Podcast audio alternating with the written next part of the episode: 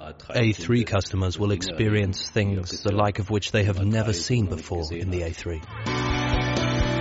The first thing you notice is the fold-out screen. That's the first eye catcher. For me, the key advantage of the in-car touchpad is that I can enter complex instructions very intuitively, quickly and directly. A navigation system that is connected.